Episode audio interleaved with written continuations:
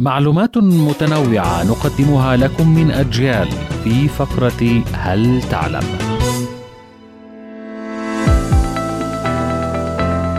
قبائل سورما تعيش في شمال وادي أومو في أثيوبيا وتضم قبائل سورما قبيلة سوري وقبيلة مورسي ومما يجعل قبائل سورما إحدى قبائل العالم المثيرة للاهتمام الطريقة الغريبة التي يزينون بها أجسادهم.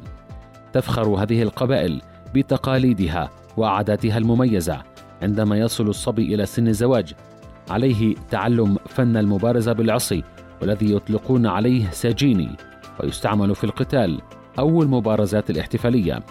أما عندما تصل الفتاة إلى سن الزواج فيتم كسر أسنانها السفلية بحجر ثم يتم فتح الشفة السفلية بموس ويوضع طبق خشبي بها مع تبديل ذلك الطبق بواحد أكبر كل فترة حتى الوصول إلى الحجم المرغوب بعد فترة عندما تصل شفة الفتاة إلى الحجم المراد يتم وضع طبق من الفخار حولها وتعتبر نساء هذه القبائل هذه العملية تجميلية تشير إلى جمال ومكانة المرأة ويزيد مهر الفتاة بالتناسب مع حجم شفتها.